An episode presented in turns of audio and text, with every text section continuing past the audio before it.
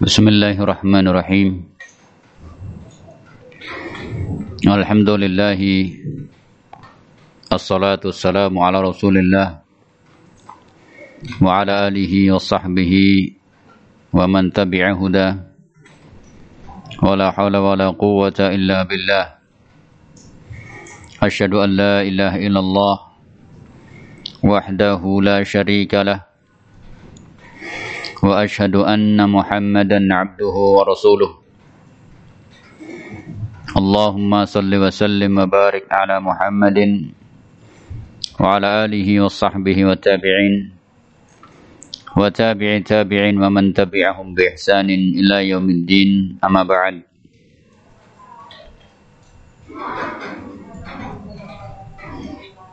Hadirin rahimani rahimakumullah Alhamdulillah pada sore hari ini kita berkesempatan dengan izin Allah Subhanahu wa taala untuk mengadakan satu kegiatan ta'lim.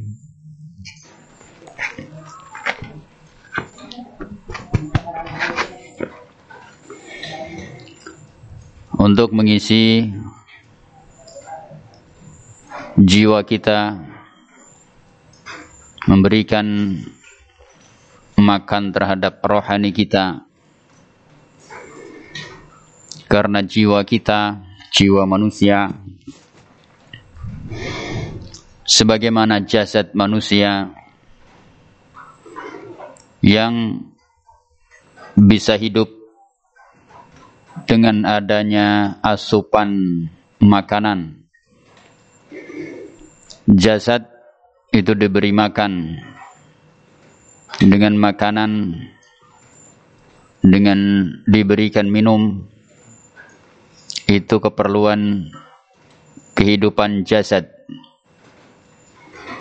Jasad terkadang bisa sakit dan bahkan bisa mengalami kematian.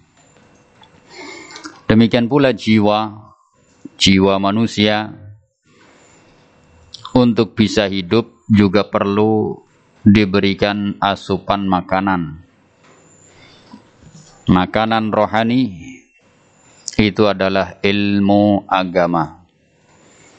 Makanan rohani adalah nasihat-nasihat dari ayat Allah Subhanahu wa taala. Demikian pula sabda-sabda Rasulullah sallallahu alaihi wasallam serta petuah-petuah para ulama. Jiwa manusia, rohani manusia, sebagaimana jasmani juga bisa mengalami sakit, bahkan juga bisa mengalami kematian.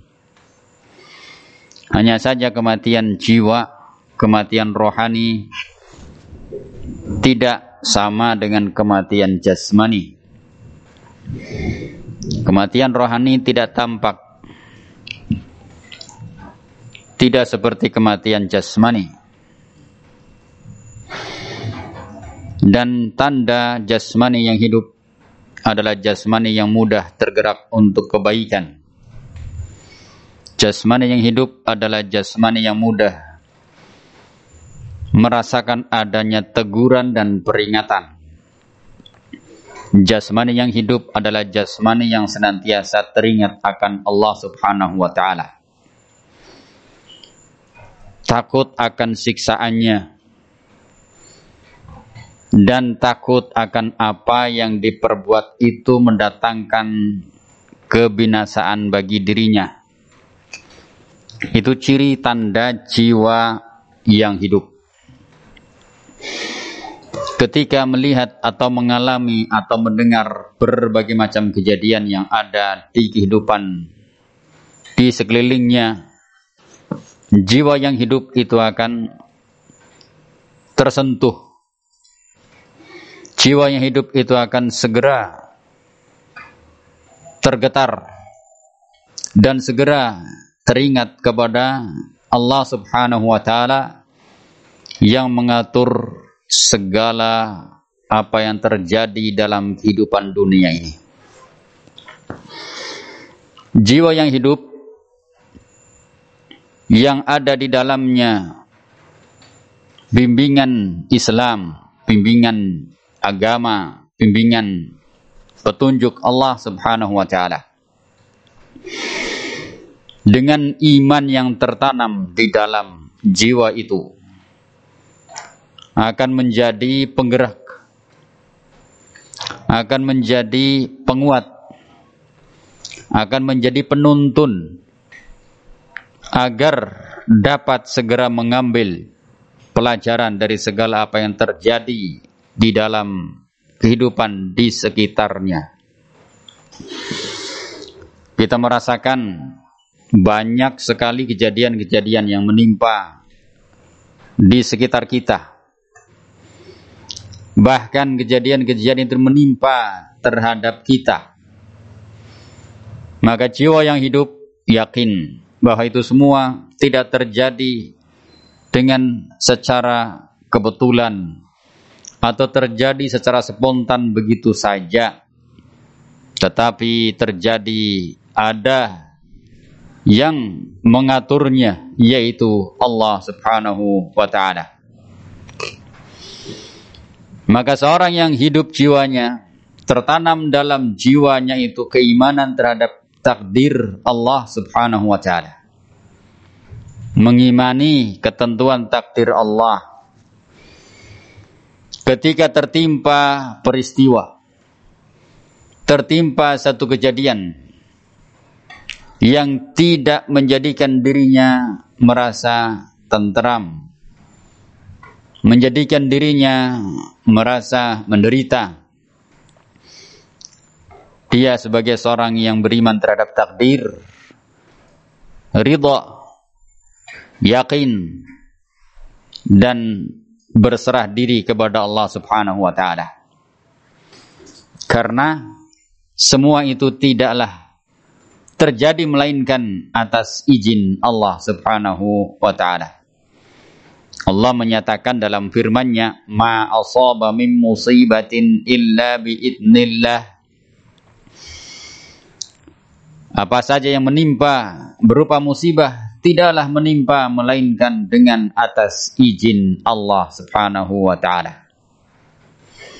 Kata Ibnu Abbas radhiyallahu taala anhuma terjadi dengan izin Allah maksudnya ialah bi amrillah yaitu atas perintah Allah yakni an qadrihi wa qada'ihi yaitu terjadi dengan atas ketentuan takdirnya dan ketentuan ketetapan kodoknya.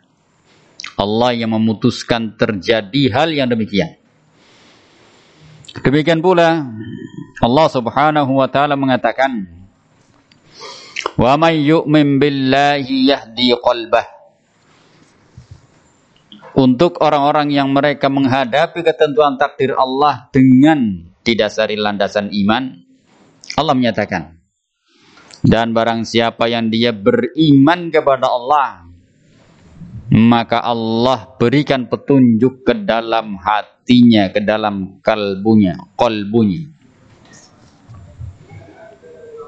Berkata Ibnu Katsir di dalam tafsirnya menjelaskan ay wa man asabathu musibatun fa'alima annaha bi qada'illahi wa qadarihi fa sabara wa ihtasaba wastaslama li qada'illah hadallahu qalbahu wa awadahu amma fatahu minad dunya hudan fi qalbihi. Yaitu barang siapa yang tertimpa musibah tertimpa ujian cobaan Lalu dia mengerti, memahami, mengetahui, mengilmui akan bahwasanya itu terjadi dengan ketentuan takdir Allah, ketetapan kodok dan kodarnya. Lalu dia sabar dan mengharap ganjaran serta menerima dengan ikhlas tulus terhadap ketentuan takdir Allah maka Allah berikan petunjuk ke dalam kolbunya. Diberikan petunjuk ke dalam kolbunya, ke dalam hatinya. dan sekaligus diberikan oleh Allah Subhanahu wa taala ganti atas apa yang dia terluput atas apa yang dia kehilangan dari perkara dunia. Diberikan petunjuk di dalam hatinya. Wa yaqinan wa sadiqan. Yakin serta jujur membenarkan. Waqad yakhlufu alaihi ma kana ukhidha minhu. Au khairan minhu. Dan sering kali kemudian diberikan oleh Allah Subhanahu wa taala ganti atas apa yang telah diambil darinya oleh Allah Subhanahu wa taala bahkan bisa jadi diberikan yang lebih baik lagi dari sisi Allah Subhanahu wa taala ganti tersebut. Wa qala Ibnu Abbas berkata Ibnu Abbas, yahdi qalbahu lil yaqin.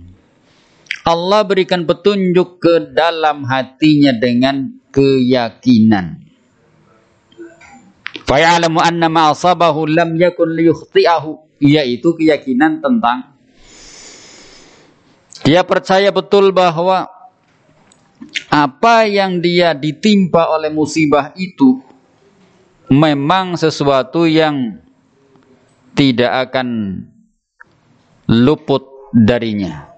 Ketika sudah Allah tentukan, ketika sudah Allah jadikan sebagai takdirnya, mau dihindari seperti apa pun, itu tidak akan bisa, tidak akan bisa terluput dan pasti mengenainya. Wa ma akhtahu lam yakun liusibahu. Sebaliknya, apa-apa yang itu terluput tidak mengenainya, maka yakin pasti tidak akan menimpanya. Ini Ibnu Abbas radhiyallahu taala anhuma. Seorang ahli tafsir dari kalangan sahabat bahkan termasuk kerabat Nabi alaihi salam yang di masa kecilnya diajarkan oleh Nabi alaihi salam tentang prinsip-prinsip akidah, prinsip-prinsip iman, di antaranya beriman kepada takdir, Kemudian berkata Al-Qamah, "Wa rajulu tusibuhul musibah fayalamu annaha min 'indillah." Orang yang diberikan petunjuk hatinya maksudnya adalah orang yang ketika tertimpa musibah dia bisa memahami, bisa mengerti bahwasanya itu datang dari sisi Allah Subhanahu wa taala. Ini buah dari faidah-faidah besar yang bisa dipetik dari buah keimanan terhadap takdir. Ridha, yakin, serta menyerahkan kepada Allah Subhanahu wa taala.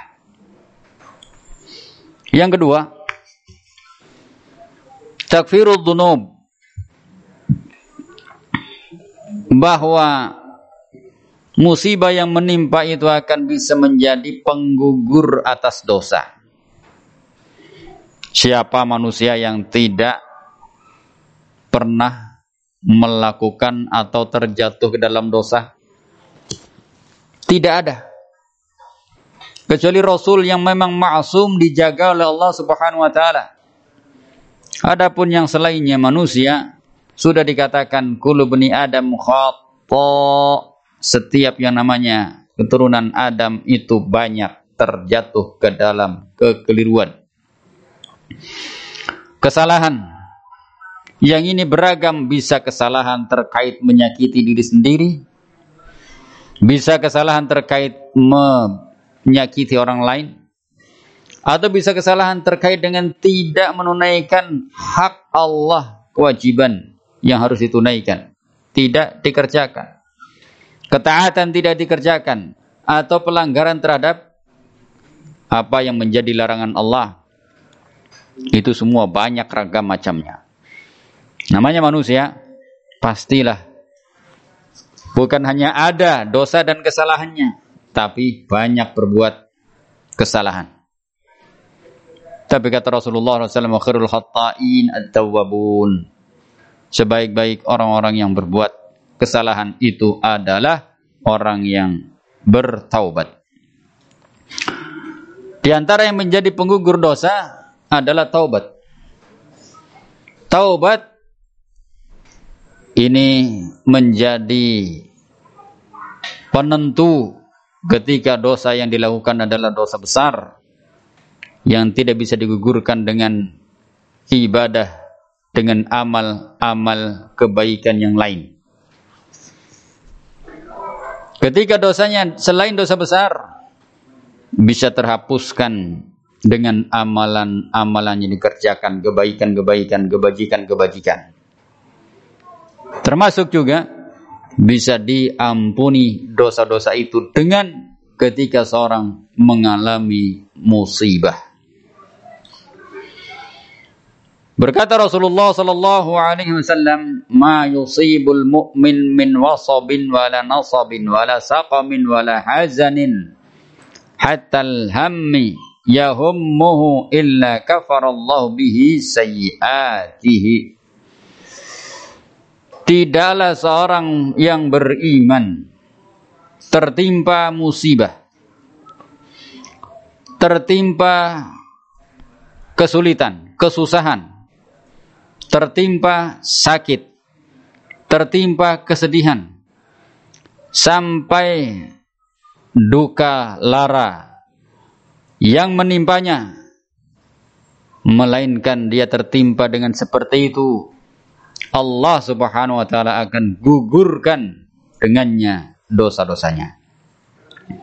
Ini seorang mukmin hendaknya teringat ketika sedang tertimpa musibah untuk kemudian ingat kepada Allah dan mohon musibah yang menimpa itu menjadi pembersih terhadap dosa-dosa yang pernah dilakukannya. Musibah sekecil apa pun dalam lafaz yang lain, hatta syaukat yushakuha sampai pun sepucuk duri yang mengenai kulitnya itu akan bisa menggugurkan dosa setimpal dengan apa yang menimpanya itu. Yang ketiga, i'ta'ul ajril kabir. Allah Subhanahu wa taala akan memberikan ganjaran yang besar terhadap orang yang tertimpa musibah ketika dia bersabar. Sebagaimana ayat yang Allah Subhanahu wa taala sebutkan di dalamnya. Wa basyiris sabirin alladziina idza asabathum musibatun qalu inna lillahi wa inna ilaihi raji'un. Ulaika alaihim salawatu min rabbihim wa rahmah wa ulaika humul muhtadun. Dan berikanlah kabar gembira kepada orang-orang yang mereka bersabar yaitu orang-orang yang tertimpa musibah ketika musibah menimpa mereka mereka mengucapkan kalimat inna lillah sesungguhnya kami milik Allah dan sesungguhnya kami hanya kepadanya akan kembali. Mereka itulah orang-orang yang mendapatkan untayan selawat dari Rabb mereka dan juga rahmat. Dan mereka adalah orang-orang yang mendapatkan petunjuk. Diberikan kabar gembira oleh Allah subhanahu wa ta'ala. Kabar gembira. Orang-orang yang bersabar di dalam ayat yang lain dinyatakan innama yuwaffas sabiruna ajrahum bighairi hisab. Hanyalah saja akan ditunaikan ganjaran orang-orang yang bersabar itu dengan tanpa hitung-hitungan. Tanpa dihitung oleh Allah Subhanahu wa taala tanpa batas. Allah ketika memberikan ganjaran kepada kebaikan-kebaikan yang dilakukan oleh seorang hamba ada hitungannya. Satu kebaikan dibalas dengan kebaikan sepuluh kalinya. Al-hasanah bi'ashri amsalihah. Satu kebaikan dibalas oleh Allah dengan sepuluh kali lipatnya. Ila sab'ami'ati dhi'fin. Sampai tujuh ratus kali lipat. Disebutkan ada hitungannya. Tapi khusus untuk orang-orang yang bersabar, tidak dihitung-hitung. Kalau yang dihitung saja, satu dibalas dengan sepuluh kali. Bahkan sampai tujuh ratus kali. Apalagi ketika balasannya tidak dihitung. Tidak dihitung berapa, sudah tidak dihitung. Kalau orang memberi duit dihitung 1, 2, 3 sampai 10 ribu, 100 ribu dihitung. Kalau orang diberi diambil saja dicomot tidak dikasih hitung-hitung langsung diberikan tentu banyak jumlahnya. Kemudian yang berikutnya adalah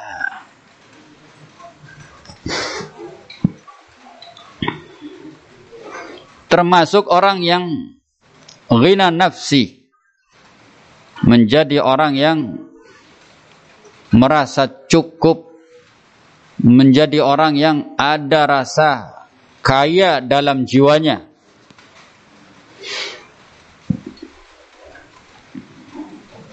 Kata Nabi alaihi salatu wasalam warda bima qasamahu Allahu laka takun aghnan nas dan bersikaplah ridha engkau terhadap apa yang telah Allah bagi untukmu. Apa yang Allah berikan bagian untukmu, terima dengan ridha. Allah membagi terkadang nikmat berupa kesenangan. Allah membagi berupa karunia, berupa perkara yang membuat orang gembira. Tapi terkadang Allah membagi untuk hambanya itu perkara yang membuat hamba itu merasa susah, merasa duka, lara, menderita. Itu semua pembagian Allah Subhanahu wa taala di sana ada hikmah. Maka Rasulullah SAW bersikaplah engkau ridha terhadap apa yang telah Allah bagi untuk dirimu. Dengan seperti itu maka engkau termasuk sekaya-kayanya manusia menjadi orang yang merasa paling kaya, makmur jiwanya. Sejahtera dalam hatinya, tidak sempit. Hatinya menjadi lapang, hatinya menjadi luas. Bahkan dia akan mendapatkan kebahagiaan karena diberikan oleh Allah Subhanahu wa taala rasa cukup di dalam hatinya sehingga duka lara yang menimpanya justru akan mendatangkan ketenangan, ketentraman, akan mendatangkan sakinah akan mendatangkan kedamaian dalam dirinya. Itu anugerah dari Allah Subhanahu wa taala. Karena kata Nabi alaihi wasallam ukuran seorang dikatakan kaya laisal ghina bi kasratil arad. Bukan yang dikatakan orang kaya itu semata-mata banyak harta Walakin al-ghina ghina nafsi tapi yang dinyatakan sebenar-benarnya orang kaya itu adalah yang ada rasa kaya di dalam jiwanya. Hanya menjadi faidah dari penjelasan ini ialah bahwa orang-orang yang mereka bisa menahan diri dari segala keterbatasan yang telah dibagi oleh Allah Subhanahu wa taala. Di situlah dia akan merasakan rasa kaya. Yang belum tentu ini bisa dirasakan oleh orang-orang yang bergelimang dengan harta benda.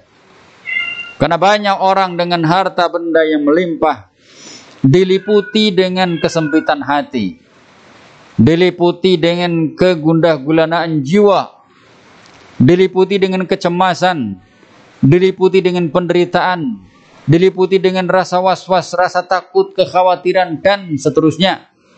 Yang membuat hidupnya menjadi sengsara dalam keadaan harta bendanya. Banyak melebihi orang-orang lainnya. Kemudian ketiga seorang. Dia jiwanya hidup dengan landasan iman terhadap takdir Allah Subhanahu wa taala. Buah yang bisa dipetik ialah adamul farhi wal hazani. Tidak terlampau gembira, tidak pula terlampau bersedih. Biasa saja, stabil. Allah Subhanahu wa taala menyatakan ma asaba min musibatin fil ardi wala fi anfusikum illa fi kitabin min qabli an nabra'aha Inna dhalika 'ala Allah yasir. Likai la ta'sau 'ala ma fatakum wa la tafrahu bima atakum. Wallahu la yuhibbu kulla mukhtalin fakhur. Tidaklah menimpa musibah. Tidaklah menimpa musibah. Baik di muka bumi ataupun menimpa musibah pada diri-diri kalian melainkan sudah ada di dalam catatan sebelum terjadinya di Lauhul Mahfuz sudah ada tulisannya kalau kita tertimpa musibah kita tertimpa satu kejadian jangan kita berpikir untuk kemudian menyesali langkah yang sudah kita lakukan. Ah, seandainya kita tidak lewat sini, pasti kita nggak celaka seperti ini. Seandainya kemarin saya begini dan begitu, sekarang seperti ini, seperti itu. Jangan. Karena segala apa yang terjadi berdasarkan jalur, alur, sebab, musababnya, itu semua sudah ada catatannya. Yang terjadi di muka bumi, secara umum, Demikian pula yang terjadi menimpa tiap-tiap individu, perseorangan-perseorangan. Itu tidak terjadi, melainkan sudah ada catatan di atas sana di lauhul mahfud sebelum terjadinya. Sesungguhnya hal yang demikian itu bagi Allah adalah perkara mudah. Tujuannya adalah agar agar likaila ta'sau Kalian jangan menjadi berputus asa terhadap apa yang kalian kehilangan dan jangan kalian terlampau gembira terhadap apa yang kalian dapatkan dan Allah tidak suka terhadap setiap orang yang bersikap melampaui batas mukhtaling fakhur merasa terlalu gembira berbangga dengan apa yang diperolehnya Kembalikan kepada Allah. Keberhasilan itu datang dari Allah. Kita syukuri. Jangan merasa kita yang punya. Prestasi, jangan merasa kita yang punya. Kuasa untuk menentukan hasil. Demikian pula ketika ada sesuatu yang menimpa kita. Kegagalan, kesulitan, musibah apa saja. Jangan pernah berputus asa. Jangan pula kita menyalahkan diri sendiri Jangan pula kita semakin terpuruk. Kembalikan kepada Allah. Ada kehendak Allah di balik semua itu. Yang kalau kita bisa memetiknya, kita bisa menyabarinya, nanti di belakangnya akan diketahui hikmah besar yang bisa ditemukan ketika dikembalikan kepada Allah Subhanahu wa taala. Ketika seorang tertimpa musibah ataupun seorang ter timpa dengan suatu perkara yang membuat dia gembira. Jangan kemudian mudah putus asa ataupun mudah berbangga. Yang seperti ini, yang seperti ini akan bisa didapati oleh orang yang dia tertanam dalam jiwanya itu keimanan terhadap takdir. Ketika dia yakin terhadap takdir, dia akan bisa meresapi sehingga apa pun yang menimpa dirinya itu tidak akan merubah, tidak akan mudah membuat goncang. Apakah menjadi bangga dan kemudian merasa sombong dengan keberhasilannya atau terpuruk putus asa dengan kegagalannya. Semua akan dihadapi biasa-biasa saja karena semua datang dari Allah Subhanahu wa taala. Kata Ibnu Katsir rahimahullah, "La tafrahu 'ala nas bima an'ama Allah bihi 'alaikum." Jangan kalian terlampau berbangga terhadap manusia dengan apa yang Allah berikan karunia kepada kalian. Fa inna laisa bisa'yikum. Karena yang sejatinya itu bukan dari hasil usaha kalian semata. Bukan hasil dari jerih payah kalian semata. Bukan hasil dari kehebatan kalian. Wa inna ma huwa min qadarillahi wa rizqihi lakum. Tapi hanyalah saja itu perkara yang terjadi dengan ketentuan takdir Allah perkara yang datang dari rizki yang Allah berikan kepada kalian fala tattakhidhu ni'amallahi asyran wa batran. Jangan sampai kalian menjadikan karunia karunia karunia karunia Allah itu untuk merubah sikap menjadi terlalu bergembira, terlalu senang, apalagi sampai menjadikan bersikap angkuh, bersikap sombong, bersikap takabur dengan keberhasilan. Kata Ikrimah, "Laisa ahadun illa wa huwa yafrah wa yahzan." Memang namanya manusia ya manusiawi. Ada berhasil dia akan merasa senang, gembira. Ada gagal akan merasa sedih. Itu perkara manusiawi tidak bisa dihindari. Ya pasti saja namanya manusia punya perasaan. Tidak mungkin ketika seorang mendapatkan keberhasilan lalu sedih. Tidak mungkin ketika seorang mendapatkan musibah lalu gembira. Itu manusia sudah ada bawaan perasaannya. Maka kata Ikrimah, yang namanya manusia ya pasti akan mengalami namanya senang, akan mengalami namanya sedih. Walakin ij'alu al-farha syukran. Tapi hendaknya bisa menjadikan rasa kegembiraannya itu sebagai wujud kesyukuran. Kalau mendapatkan karunia, gembira. Lalu apa? Jadikan itu sebagai rasa syukur. Gembiranya itu dengan rasa syukur bersyukur sehingga memuji Allah bukan memuji diri sendiri. Bersyukur menjadikan semakin dekat kepada Allah bukan semakin jauh. Bersyukur semakin mengenali bahwa itu datang dari Allah bukan semakin melupakan.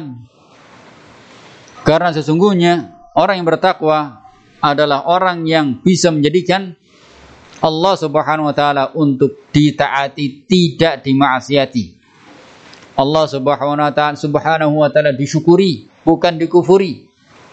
Dan Allah Subhanahu wa taala diingat, bukan dilupakan. Ketika seorang mendapatkan perkara-perkara yang menjadikan dirinya gembira, wujudkan itu sebagai bentuk syukur. Wal hazana sabran dan ketika seorang merasakan kesedihan atas musibah yang menimpanya, wujudkan itu sebagai bentuk kesabaran. Beda al-farah wal hazan. Kegembiraan yang dicela oleh Allah Subhanahu wa taala adalah kegembiraan yang menjadikan seorang lupa diri. Menjadikan seorang itu terlalu berbangga, memuji diri, melupakan Allah Subhanahu wa taala. Tapi kalau gembiranya dijadikan sebagai bentuk syukur, dia justru semakin mencintai Allah, semakin memuji menyanjung Allah dan semakin memanfaatkan karunia itu untuk mentaati Allah Subhanahu wa taala. Demikian pula hazan sedih. Sedih yang dicela adalah sedih yang membuat dia terpuruk, membuat dia lemah. Tawakalnya kepada Allah berkurang, kecintaannya kepada Allah berkurang, menjadikan dirinya ada suudzon kepada Allah, buruk sangka kepada Allah sehingga semakin jauh dari Allah Subhanahu wa taala. Berbeda dengan orang yang mendapatkan musibah lalu bersabar. Kesedihannya diwujudkan dalam bentuk kesabaran. Dia tetap menerima dengan lapang dada.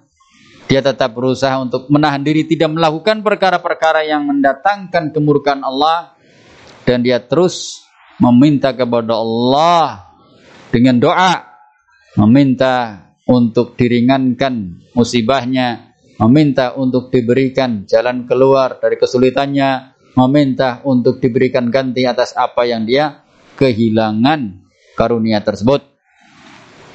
Ini sedih dan gembira hendaknya dikelola untuk menjadi sabar dan juga syukur. Ini akan bisa dilakukan oleh orang yang tertanam di dalam dirinya itu keimanan terhadap takdir. Kemudian yang berikutnya Seorang yang tertanam dalam dirinya itu keimanan terhadap takdir juga akan memiliki jiwa syaja'ah wal iqdam. Berani untuk tetap maju menghadapi berbagai macam kendala, berbagai macam tantangan, berbagai macam kesulitan sepanjang itu di atas jalan yang sudah benar. Ketika dia yakin akan semua terjadi dengan takdir Allah, maka dia tetap akan berani. Tidak mudah gentar, tidak mudah mundur. Innalladzi yu'minu bil, bil qadari yakunu syaja'an. La yahabu illa illallah. Orang yang dia beriman kepada takdir itu akan menjadi memiliki jiwa pemberani. Tidak mudah gentar, tidak takut kecuali hanya kepada Allah. Karena dia mengetahui bahwa segala sesuatu telah ditentukan takdirnya oleh Allah Subhanahu wa taala. Bahkan dia yakin bahwa kalau seandainya seluruh kekuatan yang ada dari kalangan makhluk itu berkumpul untuk mencelakainya, itu tidak akan terjadi manakala Allah Subhanahu wa taala tidak mengizinkannya. Demikian pula kalau seandainya seluruh kekuatan makhluk yang ada di muka bumi itu berkumpul untuk mendatangkan kemanfaatan terhadap dirinya, itu pun tidak akan terjadi manakala Allah Subhanahu wa taala tidak mengizinkannya. Oleh karena itu, kembali bahwa menanamkan keimanan kepada takdir Allah Subhanahu wa taala itu akan bisa dipetik faidah yang banyak, yang besar. Buah yang bisa dirasakan untuk penguat jiwa, untuk menjadikan seorang bisa tetap tegar, untuk menjadikan seorang tetap bisa tenang, untuk menjadikan seorang tetap lurus dan akan terus terbimbing mendapatkan petunjuk di dalam hatinya dari Allah Subhanahu wa taala.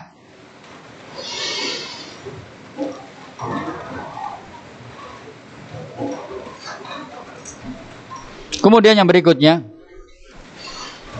buah yang bisa dipetik juga adalah adamul khauf minal maut. Tidak takut terhadap yang namanya kematian. Karena kematian tidak perlu ditakuti. Kematian akan menimpa sesuai dengan batas ajal yang sudah ditentukan. Makanya dipesankan di dalam ayat wala tamutunna illa wa antum muslimun. Jangan kalian mati melainkan kalian itu berada di atas Islam. Yang dimaksudkan agar terus menjaga keislaman. Karena jangan sampai ketika mati tidak berada di atas Islam. Karena mati itu sudah ditentukan Kullu nafsin dha'iqatul maut. Setiap yang namanya jiwa akan mengalami, menemui kematiannya.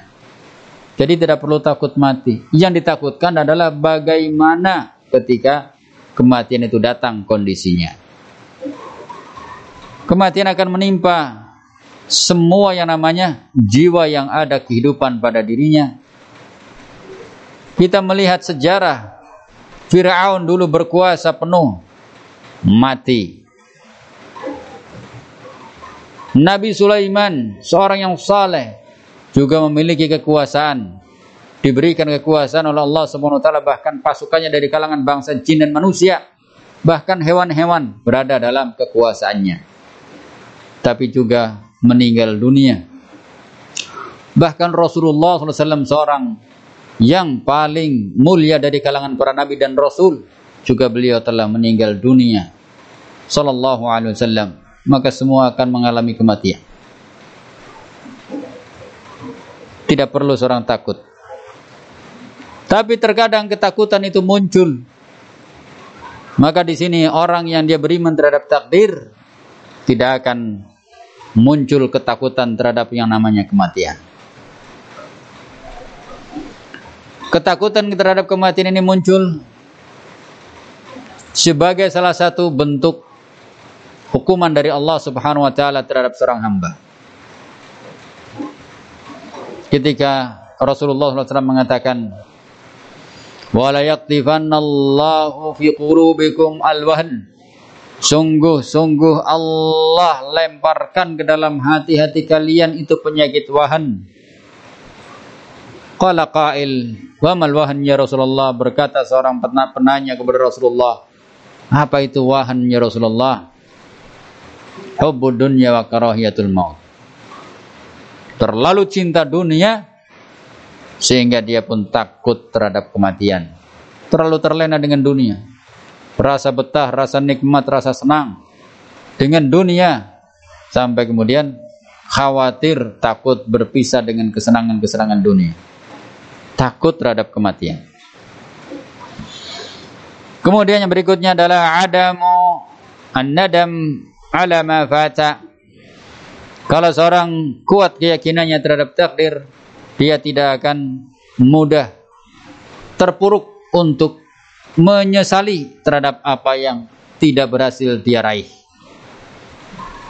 Kata Rasulullah SAW, Al-mu'minul qawiyyu khairun wa habu ilallah minal mu'minil da'if. Orang beriman yang kuat itu lebih dicintai, lebih baik dan lebih dicintai oleh Allah dibandingkan orang mukmin yang lemah. Wa fi kullin khairun. Masing-masingnya ada kebaikan. Ihris ala ma yanfa' wasta'in billah. Bersemangatlah terhadap apa yang berguna untukmu. Dan mintalah tolong kepada Allah. Wala ta'jiz jangan merasa lemah. Wa in asabatka syai'un fala taqul law anni fa'altu. Kana kada wa kada ketika ada sesuatu menimpamu kegagalan menimpamu tidak berhasil apa yang diinginkan jangan engkau mengatakan kalau seandainya aku lakukan begini pasti hasilnya begini dan begitu. Jangan. Walakin kul qadarallah wa ma fa'ala. Tapi katakanlah qadarallah. Sudah menjadi ketentuan Allah, takdir Allah wa ma fa'ala. Apa yang Allah kehendaki Allah lakukan. Faina lau taftahu amal syaitan karena berandai-andai untuk sesuatu yang sudah terjadi itu hanya akan membuka pintu godaan setan sudah terjadi. Tidak perlu lagi dikatakan, wah kalau seandainya kemarin saya beli, kalau seandainya kemarin tidak saya beli, kalau seandainya kemarin saya ikut, kalau seandainya kemarin seandainya, andainya, andainya. Untuk sesuatu yang sudah terjadi, itu hanya akan membuka pintu gangguan setan. Sudah. Sudah terjadi, sudah serahkan kepada Allah. Memang sudah qadar Allah wa syafa'an.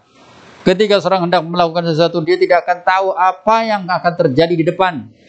Ketika sudah terjadi, maka yang di belakangnya tidak usah terlalu disesali. Menyesal boleh untuk sekedar introspeksi agar mengambil pelajaran apa sebab yang menjadikan kegagalan, bukan kemudian untuk menyesali apa yang menjadi ketentuan takdir Allah Subhanahu wa taala.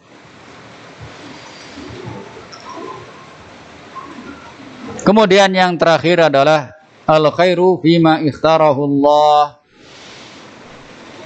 dia bisa memahami bahwa yang terbaik itu adalah apa yang memang Allah pilihkan untuk dirinya. Sudah itu yang terbaik.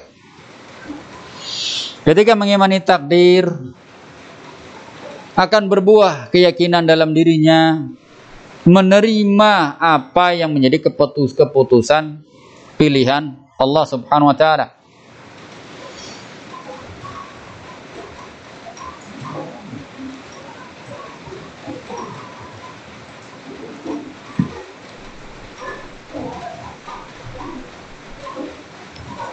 disebutkan di dalam ayat wa asa an takrahu syai'an wa huwa khairul lakum wa asa an tuhibbu syai'an wa huwa syarrul lakum wallahu ya'lamu wa antum la ta'lamun dan kadangkala kalian membenci sesuatu padahal itu adalah baik untuk kalian dan bisa jadi kalian menyukai sesuatu Padahal itu adalah jelek bagi kalian. Dan Allah yang mengetahui sementara kalian tidaklah mengetahui. Jadi kembalikan kepada Allah. Karena kita tidak tahu hakikat di balik semua itu. Terkadang kita menyenangi sesuatu ternyata tidak berhasil. Kita akan merasa menyesal, akan merasa sedih. Padahal bisa jadi kita menyenangi sesuatu itu itu jelek bagi kita kalau berhasil. Kemudian yang kita dapatkan terkadang tidak sesuai. Kita tidak suka. Maka kata Allah, bisa jadi engkau membenci sesuatu padahal itu adalah baik untuk kalian. Itu yang terbaik. Oleh karena itu, ketika seorang beriman kepada takdir, dia akan paham yang terbaik itu adalah apa yang menjadi pilihan Allah untuk kita. Tugas kita adalah menjalani sebab-sebab dengan cara yang baik dan benar. Tugas kita adalah menetapi petunjuk-petunjuk Allah. Hasil akhirnya kembalikan kepada Allah. Allah akan memberikan yang terbaik untuk hambanya. Sehingga apa yang kita lihat baik belum tentu itu baik untuk kita apa yang kita lihat tidak baik belum tentu tidak baik bagi kita.